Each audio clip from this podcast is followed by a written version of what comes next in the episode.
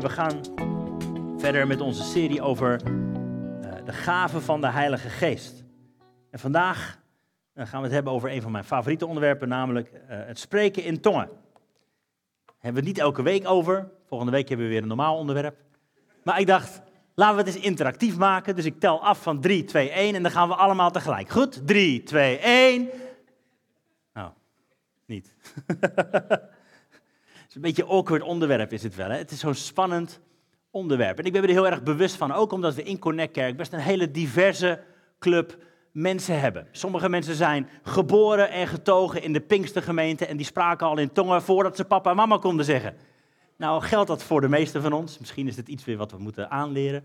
Of juist niet hadden moeten afleren. Maar sommigen van ons zijn het helemaal gewend. Zijn ermee opgegroeid. Dat is een doodnormaal onderdeel van je christelijk leven. Voor anderen van ons is het een beetje zo'n spannend onderwerp. Van ja, wat moet ik ermee? Moet ik er wel wat mee?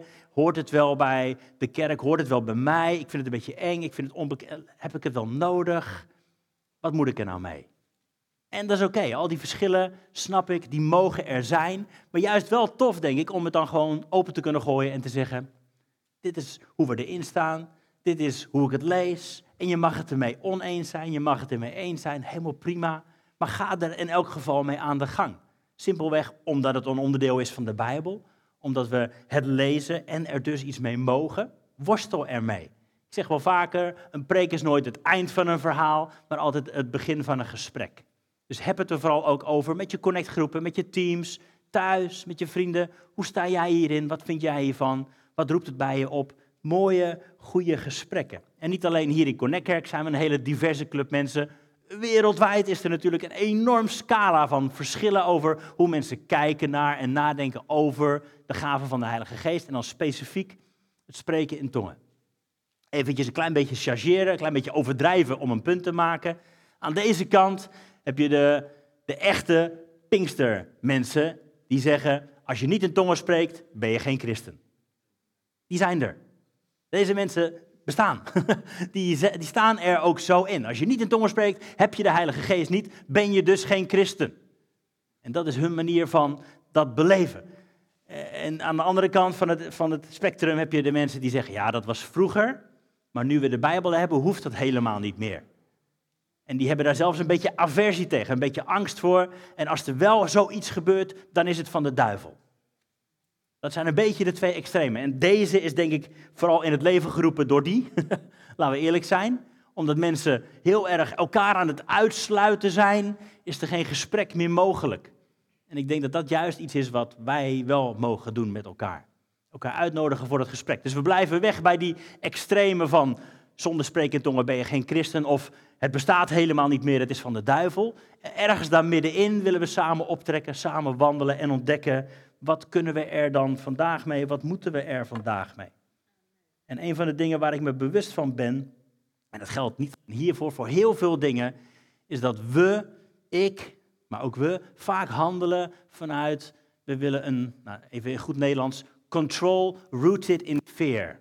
Controle die geworteld is in angst. En dat geldt zowel voor rechts als voor links. We willen dingen kunnen beheersen, want we zijn bang omdat we het niet zo goed weten. We weten niet precies hoe het zit en daarom willen we elkaar controleren. Willen we de situatie controleren. Altijd vanuit een angst. En dat is niet nodig. Volmaakte liefde drijft angst uit. Dus ik zou je ook willen vragen, mooi wat we daarom ook net zongen, break our walls down. Laat die muren van angst, van oh, ik weet het niet, laat ze even neerkomen. Het is veilig in Gods aanwezigheid. We hebben een goede vader, hij weet wat we nodig hebben.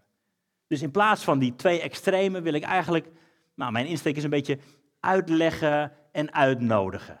Uitleggen en uitnodigen. En nogmaals, je mag het met me oneens zijn, dat is helemaal prima, maar laten we er samen over in gesprek zijn. Uitleggen. 1 Korinthe 12, ik heb het al eerder aangehaald, waar Paulus zegt, joh, als het gaat over de gaven van de Heilige Geest, dan wil ik niet dat je onwetend bent. Dat is het hart van Paulus. Hij zorgt voor zijn gemeentes. Hij wil niet dat we onwetend zijn. Daarna schrijft hij die paar hoofdstukken over de gaven van de Heilige Geest.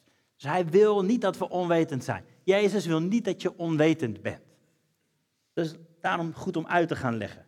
maar ook uitnodigen. En ik heb het zo opgeschreven. Ik wil je uitnodigen om met mij naar Jezus te kijken. Hij is de gever van die goede gaven. Hij is de doper in de Heilige Geest. Samen willen we aan Jezus vragen, wat wilt u ons geven dan? Want alles wat u mij wilt geven, daar wil ik mij naar uitstrekken. Dat is wat Paulus ook later zegt. Strek je uit, streef naar de gaven van de Heilige Geest. Dat is een mooie houding om te hebben. Ik weet niet hoe jij dat doet, hoe jij dat beleeft, hoe je erin staat. Dat is wel een mooie houding. Strek je uit naar dat wat Jezus je wil geven. Heb je je armen open om dat te ontvangen.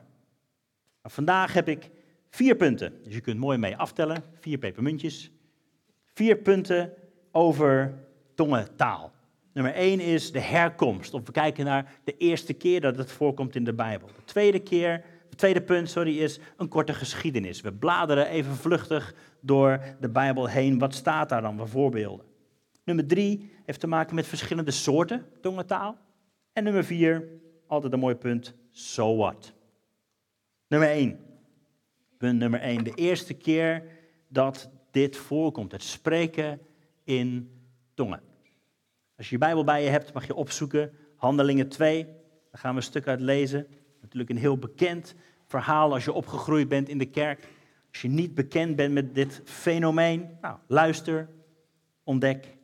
Dit is wat er staat over dat wat er gebeurde zo 2000 jaar geleden. Toen de dag van het Pinksterfeest vervuld werd, waren ze alle eensgezind bijeen. Het gaat hier over de discipelen, de volgelingen van Jezus. Jezus was opgevaren naar de hemel en hij zei: Wacht, wacht tot je kracht van boven hebt ontvangen. Ze waren eensgezind bijeen. En plotseling kwam er uit de hemel een geluid als van een geweldige windvlaag. En het vervulde heel het huis waar ze zaten. En aan hen werden tongen als van vuur gezien, die zich verdeelden en het zat op ieder van hen. En ze werden alle vervuld met de Heilige Geest en begonnen te spreken in andere talen, zoals de geest hun gaf uit te spreken. Nu woonden er Joden in Jeruzalem, godvrezende mannen uit alle volken die onder de hemel zijn. En toen dit geluid klonk, kwam de menigte samen en ze raakten verward, want ieder hoorde hen in zijn eigen taal spreken. En ze waren buiten zichzelf en ze verwonderden zich en ze zeiden, huh, zijn dit niet alle Galileërs die daar spreken? Hoe kunnen we hen dan horen in onze eigen taal? komt er een heel rijtje waar ze allemaal vandaan kwamen. Parten, Mede, Elamieten, Mesopotamië, Judea, Cappadocië enzovoort. Wij horen hen allemaal in onze eigen taal over de grote werken van God spreken. Ze waren buiten zichzelf en raakten in verlegenheid. En de een zei tegen de ander, wat betekent dit toch? Maar anderen zeiden spottend, ach, ze zijn vol van zoete wijn. Het is de eerste keer dat dat fenomeen spreken in tongen voorkomt paar dingen die daar opvallen. Dit was het Pinksterfeest. Het Pinksterfeest, het Joodse feest Shavuot. Ga ik straks iets meer over vertellen. Ze waren alle eensgezind bij elkaar en daar zien we tongen als van vuur. Tongen, tussen haakjes in het Grieks, glossai. Die verdeelden zich. Ze werden vervuld met de Heilige Geest en ze begonnen te spreken in andere talen. Tussen haakjes ook het Griekse woordje glossai. Tongen en talen, oftewel, is hetzelfde woord. Als wij het hebben over tongentaal, dan zeggen we eigenlijk twee keer hetzelfde woord. Daarom in heel veel andere talen, in het Engels gaat het ook alleen maar over tongues, over tongen. Tongentaal is twee keer hetzelfde woord. Tongen, talen is hetzelfde woord. Maar hier staat ook iets bijzonders. Hier staat, ze werden vervuld met de Heilige Geest. Een paar bladzijden daarvoor, in Johannes 20, zegt Jezus tegen dezezelfde discipelen, ontvang de Heilige Geest. En hij blies op hen en ze ontvingen de Heilige Geest. En hier worden ze vervuld met de Heilige Geest. Heeft Jezus iets half gedaan? Heeft Jezus gelogen? Nee. Hier bestaan blijkbaar twee dingen naast elkaar. Ze ontvangen de Heilige Geest en ze worden vervuld met de Heilige Geest. Twee andere dingen die we hier lezen. En daarna beginnen ze te spreken in andere talen. Ieder hoorde hen in zijn eigen taal. En uiteindelijk, een paar versen verder, zien we 3000 mensen worden gedoopt. Dus het is heel erg missionair. Er gebeurt hier iets, ze ontvangen de Heilige Geest, ze worden vervuld, ze beginnen te spreken en 3000 mensen worden gedoopt, worden gered, ontvangen Jezus als Heer en ze ontvangen de Heilige Geest. Dat is de eerste keer dat we lezen over dit fenomeen. Is dat eigenlijk wel zo? Nou, niet heel veel tijd om dat uit te leggen. Wel leuk om eens uit te zoeken thuis. Pinksteren, zei ik al, het, het Joodse feest Shavuot. Dat vieren ze natuurlijk al een paar duizend jaar. Voordat wij Pinksteren begonnen te vieren. Pentecoste betekent het vijftigste. Daar komt ons woord Pinksteren vandaan. Shavuot betekent weken. Zeven weken na Pasen, dat is ook vandaag nog, dat is ook voor de Joden zo. Zeven weken na Pasen vieren de Joden Shavuot. En dat, dan gedenken ze dat God op de berg de wet geeft aan Mozes. Weet je nog, in de woestijn, het volk was uitgeluid uit Egypte. Ze waren slaaf geweest, ze werden nu bevrijd. En God spreekt zijn woord, geeft hen de wet. En daar lezen we in Exodus 19 dit over. De berg Sinaï was geheel in rook gehuld, omdat de Heer er in vuur neerdaalde. Dat lijkt wel een beetje op wat we met Pinksteren zien. Er kwam vuur naar beneden. De rook ervan steeg omhoog als de rook van een oven. Heel de berg beefde hevig. Hey, dat lazen we net ook. Het bezuinigenschal werd gaandeweg zeer sterk. Mozes sprak en God antwoordde hem met een stem. Zie, lezen we al heel veel overlap. Er was vuur, er was aardbeving en God sprak en ieder hoorde het. Dat is wat er gebeurde met het geven van de wet, met Shavuot, met Pinksteren. Een paar duizend jaar voor de Heilige Geest kwam in de kerk, sprak God dus ook al tot zijn gemeente. Een andere, een Joods commentaar, een midrash zoals dat heet, die zegt daarover dit. Dus het is een oude Joodse geleerde, die heeft die tekst bestudeerd, een overlevering bekeken en die zegt daarover dit. Interessant, moet je maar eens nalezen. Ter gelegenheid van het geven van de Torah hoorden de kinderen van Israël niet alleen de stem van de Heer, maar ze zagen de geluidsgolven die uit de mond van de Heer kwamen. En het zag eruit als een vurige substantie. Elk gebod dat de mond van de Heer verliet, reisde door het hele kamp en keerde terug naar elke Jood afzonderlijk. En Gods stem werd opgesplitst in 70 stemmen, 70 talen en alle naties zouden het begrijpen. Mooi hè? Wat, wat er gebeurt met Pinksteren heeft veel diepere wortels dan alleen maar iets nieuws voor de kerk. God heeft dit altijd al op het oog gehad. Alle naties, alle volken moeten het weten. Alle stemmen, alle talen worden gesproken met dat doel. Dus dat is de eerste keer dat dit voorkomt. Handelingen 2, maar ook in Exodus 19 al zien we, God geeft zijn geest op dat. Op dat. De aarde bereikt wordt de mensen zullen horen van het goede nieuws van Jezus. Amen. Dat is het doel hier in Handelingen 2 van tongentaal. Dat was mijn eerste punt al. Ga snel, hè? Hou nog vol zo? Oké, is oké. punt 2. Punt 2, een korte geschiedenis. Ik blader eventjes door handelingen heen om een paar van deze dingen te bekijken die gaan over het spreken in tongen. Handelingen 2 lazen we net. Er waren Joodse gelovigen bij elkaar die werden vervuld met de Heilige Geest en ze begonnen te spreken in andere talen. In Handelingen 10, een paar bladzijden verderop, spreekt Petrus niet voor Joden, Joodse mensen, maar voor heidenen. Petrus begint te spreken over Jezus tegen heidenen, die helemaal niks hadden met het Joodse geloof van vroeger, tegen heidenen.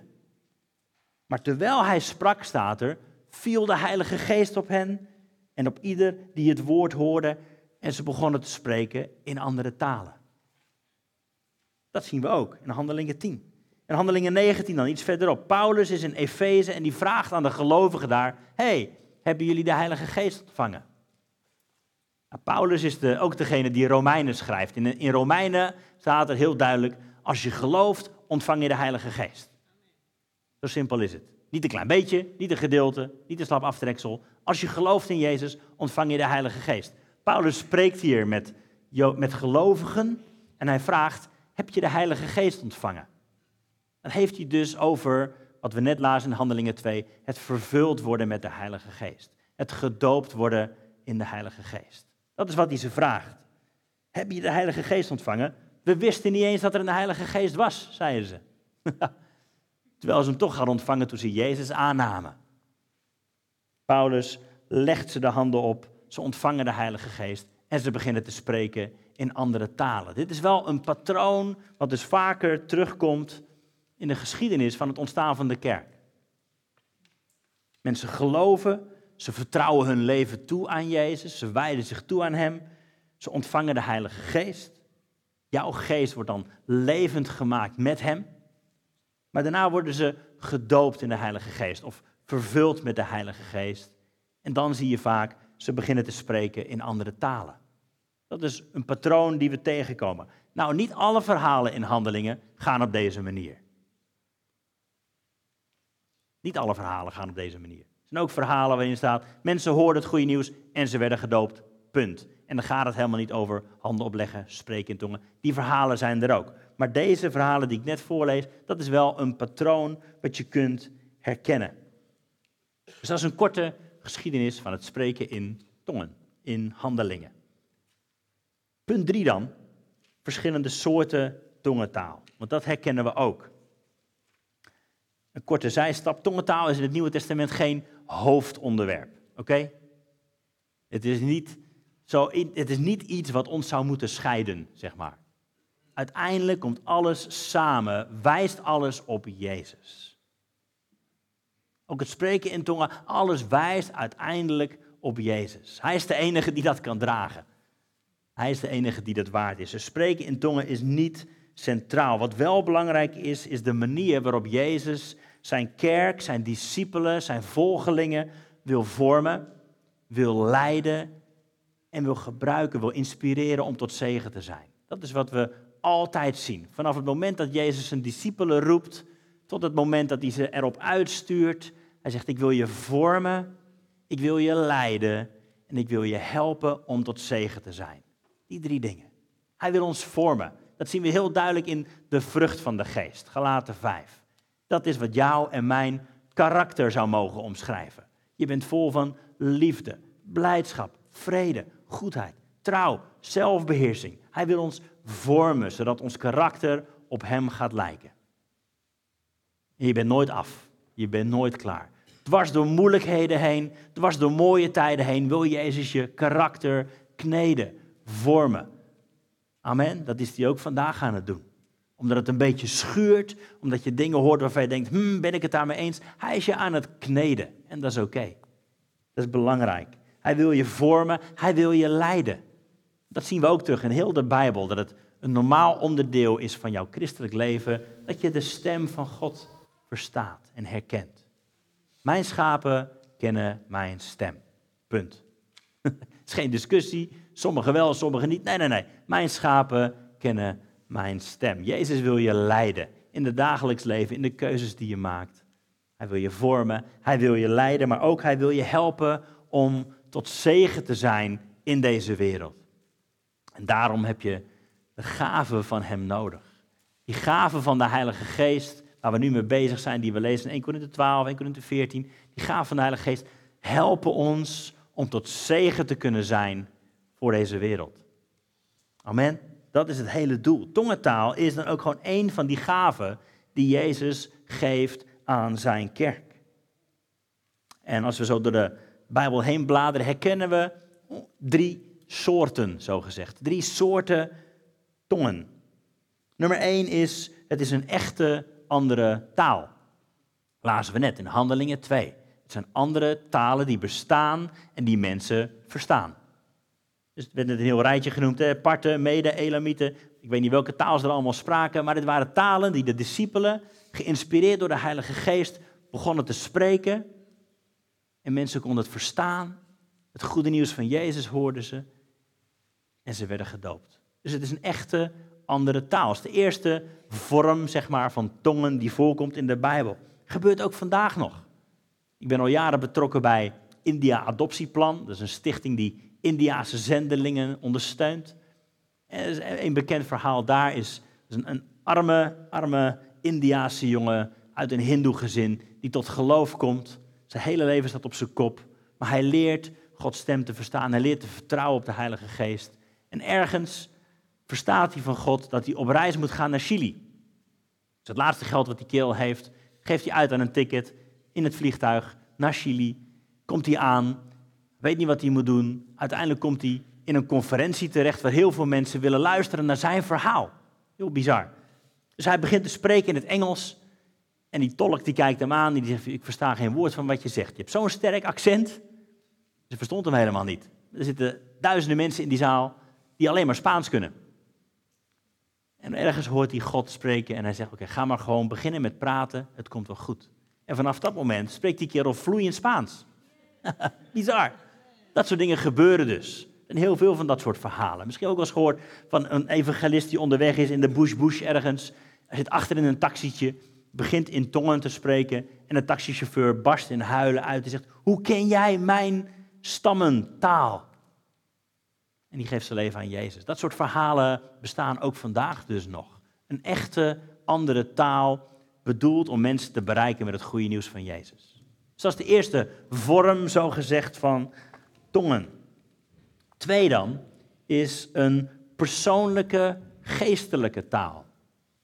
Bij gebrek aan betere woorden zeg ik maar eventjes zo. Een persoonlijke geestelijke taal. Ik ga een paar dingen voorlezen uit 1 Korinthe 14, waar Paulus daar iets over schrijft. Hij zegt, jaag de liefde na, streef naar de geestelijke gaven, maar vooral dat u mag profiteren. Hier zet Paulus die twee dingen een klein beetje tegenover elkaar. Tongen is vooral voor jezelf, profiteren is voor de hele gemeente. Nou, voor de hele gemeente is altijd beter, het is altijd beter om anderen te dienen. Dus zo staat Paulus hier een beetje in. Vers 2 schrijft hij dit. Wie in een andere taal of in een tong spreekt, spreekt niet tot mensen, maar tot God. Dus hier gaat het over iets anders dan een bestaande taal, die bedoeld is voor de omgeving. Hij zegt hier, je spreekt niet tot mensen, maar je spreekt tot God, want niemand begrijpt het. Maar in zijn geest spreekt hij geheimenissen. Dus dat is wat die persoonlijke geestelijke taal doet. Op een of andere manier gebruikt de Heilige Geest jouw woorden om tot God te spreken. In je geest spreek je geheimenissen. Vers 4 schrijft hij dit. Wie in een andere taal of wie in een tong spreekt, bouwt zichzelf op. Iets later zegt hij, ik zal met mijn geest bidden en ook met mijn verstand. Ik zal met mijn geest lof zingen, maar ook met mijn verstand. Hij zet die twee dingen hier naast elkaar. Allebei belangrijk. Natuurlijk met je verstand, maar natuurlijk met je geest. Ik dank God, schrijft hij verder dan, om een klein beetje op te scheppen. Ik dank God dat ik meer in andere talen spreek dan jullie allemaal. Opschepperd. Maar dat is dus de tweede vorm van tongentaal die we tegenkomen in de Bijbel en die ook vandaag de dag nog voorkomt. Een persoonlijke, geestelijke taal. Soms wordt het ook wel eens verward. Ik heb ook wel eens verhalen gehoord van mensen die, honderd jaar geleden of zo, in Amerika was er een, een opwekking. Mensen werden vervuld met de Heilige Geest, begonnen in tongen te spreken. En toen was er een kerel die ontving die gaven ook. En die dacht, oh, dit klinkt wel een beetje als uh, Hindi, Indiase taal. Ik denk dat God me geroepen heeft als uh, zendeling naar India. Dus die kerel in vol vertrouwen stapt op de boot, komt aan in India, begint in tongen te spreken. En iedereen kijkt en van, joh, ja, ik weet niet waar je het over hebt. Maar het is geen taal die wij hier snappen. Nou, God gebruikte het wel. Uiteindelijk werden er kerken geplant, kwamen mensen tot geloof. Ook bijzonder. Maar er zijn dus twee verschillende dingen. Een taal die bedoeld is voor anderen, een echte bestaande taal, maar ook een persoonlijke, geestelijke taal waarmee je jezelf op een of andere manier opbouwt. Dus dat is de tweede. En nummer drie zien we ook voorkomen, dat is een profetische of een te vertalen taal. Ook voor. 1 Korinthe 14 heeft Paulus daar een paar opmerkingen over. Hij zegt, ik zou wel willen dat u allemaal in andere talen spreekt. Maar vooral dat je profeteert. Immers, wie profeteert is meer dan wie in andere talen spreekt. Tenzij hij het uitlegt, opdat de gemeente erdoor opgebouwd wordt. Dat bestaat dus ook. Dat je in een andere taal begint te spreken en iemand anders legt het uit. Die vertaalt het als het ware. Die ervaart in zijn geest, die hoort wat God hier doorheen wil zeggen tegen de gemeente. Daarom, schrijft Paulus, laat hij die in een andere taal spreekt, bidden dat hij het mag uitleggen. Dat is onder andere wat Paulus hierover schrijft. Dus die drie dingen komen voor als we het hebben over tongen. Een bestaande taal, je persoonlijke geestelijke taal en een taal die wordt vertaald of wordt uitgelegd ter opbouw van de gemeente. Dat is wat we tegenkomen vooral in 1 Korinthe 14 waar Paulus dat over uitlegt. Ik heb nog een mooie quote van Tom Wright, N.T. Wright, bekende Engelse theoloog, gedegen kerel, zoveel boeken geschreven, bizar, zoveel wijsheid, Anglikaanse kerel. En die zegt daar dit over. Tongen verwijst naar de gave van spreken die, hoewel het geluiden maakt en schijnbare of zelfs echte talen gebruikt, op de een of andere manier het bewuste denken van de spreker omzeilt. Dit spreken wordt ervaren als een stroom van lofprijzing, waarin, hoewel de spreker misschien niet zelf in staat is om het te verwoorden, waarin een gevoel van liefde voor God, van aanbidding en dankbaarheid opwelt en overstroomt. Het is als een persoonlijke taal van liefde. Heel mooi omschreven. Je persoonlijke taal van liefde. Heeft hij het dus over die, nou, wat ik net noem, type 2. Je persoonlijke, geestelijke taal. ik ga afronden. So what? Mijn vierde punt. So what? Altijd een mooie vraag. Oké, dit, dit staat er. Dit kunnen we er ongeveer uit leren. En nu dan? En nu dan? Ik zei net al, ik wil graag een klein beetje uitleggen, maar ook uitnodigen. Uitnodigen om naar Jezus te kijken, die de gever is van deze geestelijke gaven. We willen naar Hem kijken en vragen, Heer, wat wilt u mij geven? Wat wilt u mij geven? Daar strek ik mij naar uit. We willen niet handelen vanuit angst. We willen ons niet laten tegenhouden door angst. Maar we willen vol vertrouwen zeggen, Heer, u bent een goede vader die goede gaven wil geven aan zijn kinderen. En als u denkt dat ik dit nodig heb om in dit leven verder te komen, om te groeien in mijn discipelschap, om te groeien in mijn karakter, om te groeien als volgeling van Jezus, Heer, dan heb ik het nodig en wil ik het ontvangen. Dat is wat we vandaag willen doen. En natuurlijk, Paulus roept op tot orde. Dus daarom, dat hebben we hier ook wel eens uitgelegd, op zondagochtend als ik het een klein beetje vertaal vanuit zijn uh, brief aan de Corinthiërs, op zondagochtend hier zul je het ons niet zo gauw horen zingen door de microfoon in tongen. Dat is een soort van afspraak die we hebben gemaakt. Tenzij iemand het gaat vertalen, dan vind ik het prima. Tot die tijd doen we dat niet door de microfoon. Je zult misschien wel eens naast iemand gestaan hebben hier in de zaal, die in één keer hoort zingen, dat je denkt, uh, dat staat niet op de beamer. dat kan.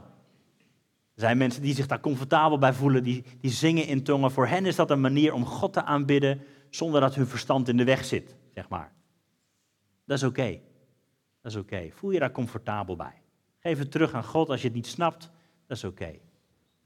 Dat is jouw persoonlijke taal met God. Op zondagavond, als we open heaven hebben, zo noemen we dat, hè, om de zondagavond bidden we op zondagavond samen. Super tof. En daar voelen we ons wat vrijer om dat hard op te doen, omdat we weten, hier zijn allemaal mensen die van Jezus houden. Hier zijn allemaal volgelingen van Hem. Het is een veilige setting. Op zondagochtend zijn we er ons heel bewust van dat we altijd gasten hebben.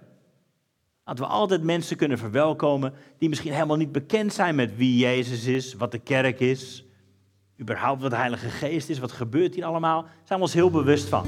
En Paulus zegt dan, doe maar niet joh dan is het beter om op zo'n manier te spreken dat mensen het snappen.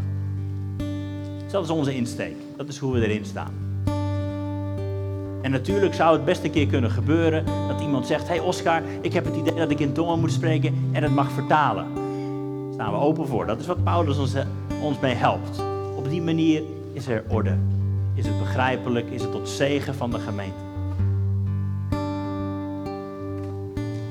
Zondagochtend zijn we ons daar bewust van. Op zondagavond zijn we daar wat vrijer in. Maar ik zou je ook willen zeggen, wat doe je ermee in je connectgroep?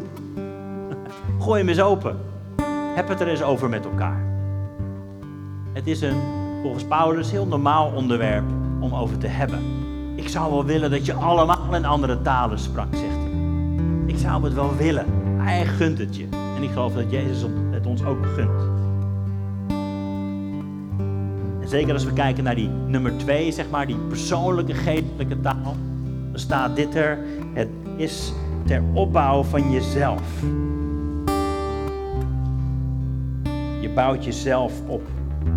Ik weet niet hoe het met jou is, maar ik heb het regelmatig nodig om mezelf even op te peppen. Net zoals David dat al eeuwen eerder deed. David sterkte zichzelf in de Heer. Hij zat in een situatie waar mensen bijna wilden vermoorden. Dan geldt het niet voor mij elke dag. Maar er zijn ook momenten dat ik weet, ik sta onder druk. Het leven als voorganger, als man, als vader, als werkende, als persoon op deze aarde is niet altijd makkelijk. Er zijn momenten dat je onder druk staat. Dat je bang bent. Dat ik het even niet meer weet. Het is belangrijk om net zoals David te zeggen, ik, ik wil mezelf sterken in de Heer. Ik wil mezelf opbouwen. Kom op mijn ziel, loof de Heer. En vaak gebruik ik daar woorden voor die ik zelf snap. Gebruik ik woorden uit de psalm of uit de Bijbel waarvan ik weet, dit brengt me weer in lijn met Gods waarheid. Maar soms weet ik het gewoon niet. Dan helpt het om in die andere geestelijke taal te spreken. Waarbij ik mijn verstand even voorbij kan gaan, maar ik weet, geest wordt opgebouwd. Ik begin weer tot leven te komen. Ik begin met woorden die God me wil geven, zelf op te bouwen, zodat ik weer kan gaan staan op mijn plek, waar God me gezet heeft. Dat is hoe het voor mij werkt. Het bouwt jezelf op. En om met Paulus te spreken, ik zou wel willen dat je dat allemaal ervaart. Ik zou wel willen dat je dat allemaal gaat doen. Dat je op momenten in je leven waarvan je, waar je het zelf niet meer kunt trekken, dat je uit een andere bron kunt putten. Bron die je niet zelf hoeft te begrijpen of te begrenzen, waarvan je zegt, Heer God, ik wil u vertrouwen, wilt u mij woorden geven die me weer opbouwen. Zodat ik een beter mens word, zodat ik een betere discipel van Jezus word. Amen. So what? Strek je uit naar de geestelijke gaven, zegt Paulus. Hoe jij dat doet, weet ik niet. Maar doe het. Heb het erover met elkaar. Bemoedig elkaar daarin. Yes. Ik hoop dat het je helpt. En waar ik al mee begon, daar wil ik ook mee eindigen. Worstel hiermee. Heb het erover met elkaar. Je hoeft het niet per se eens te zijn met me. Geen probleem. Wat vind je dan wel en waarom dan? En hoe ga je ermee om? Hoe strek jij je uit naar de geestelijke gaven? Hoe strek je je uit naar dat wat Jezus jou wil geven? En zullen we gaan staan? Gaan we dit afsluiten, gaan we zo nog een lied zingen.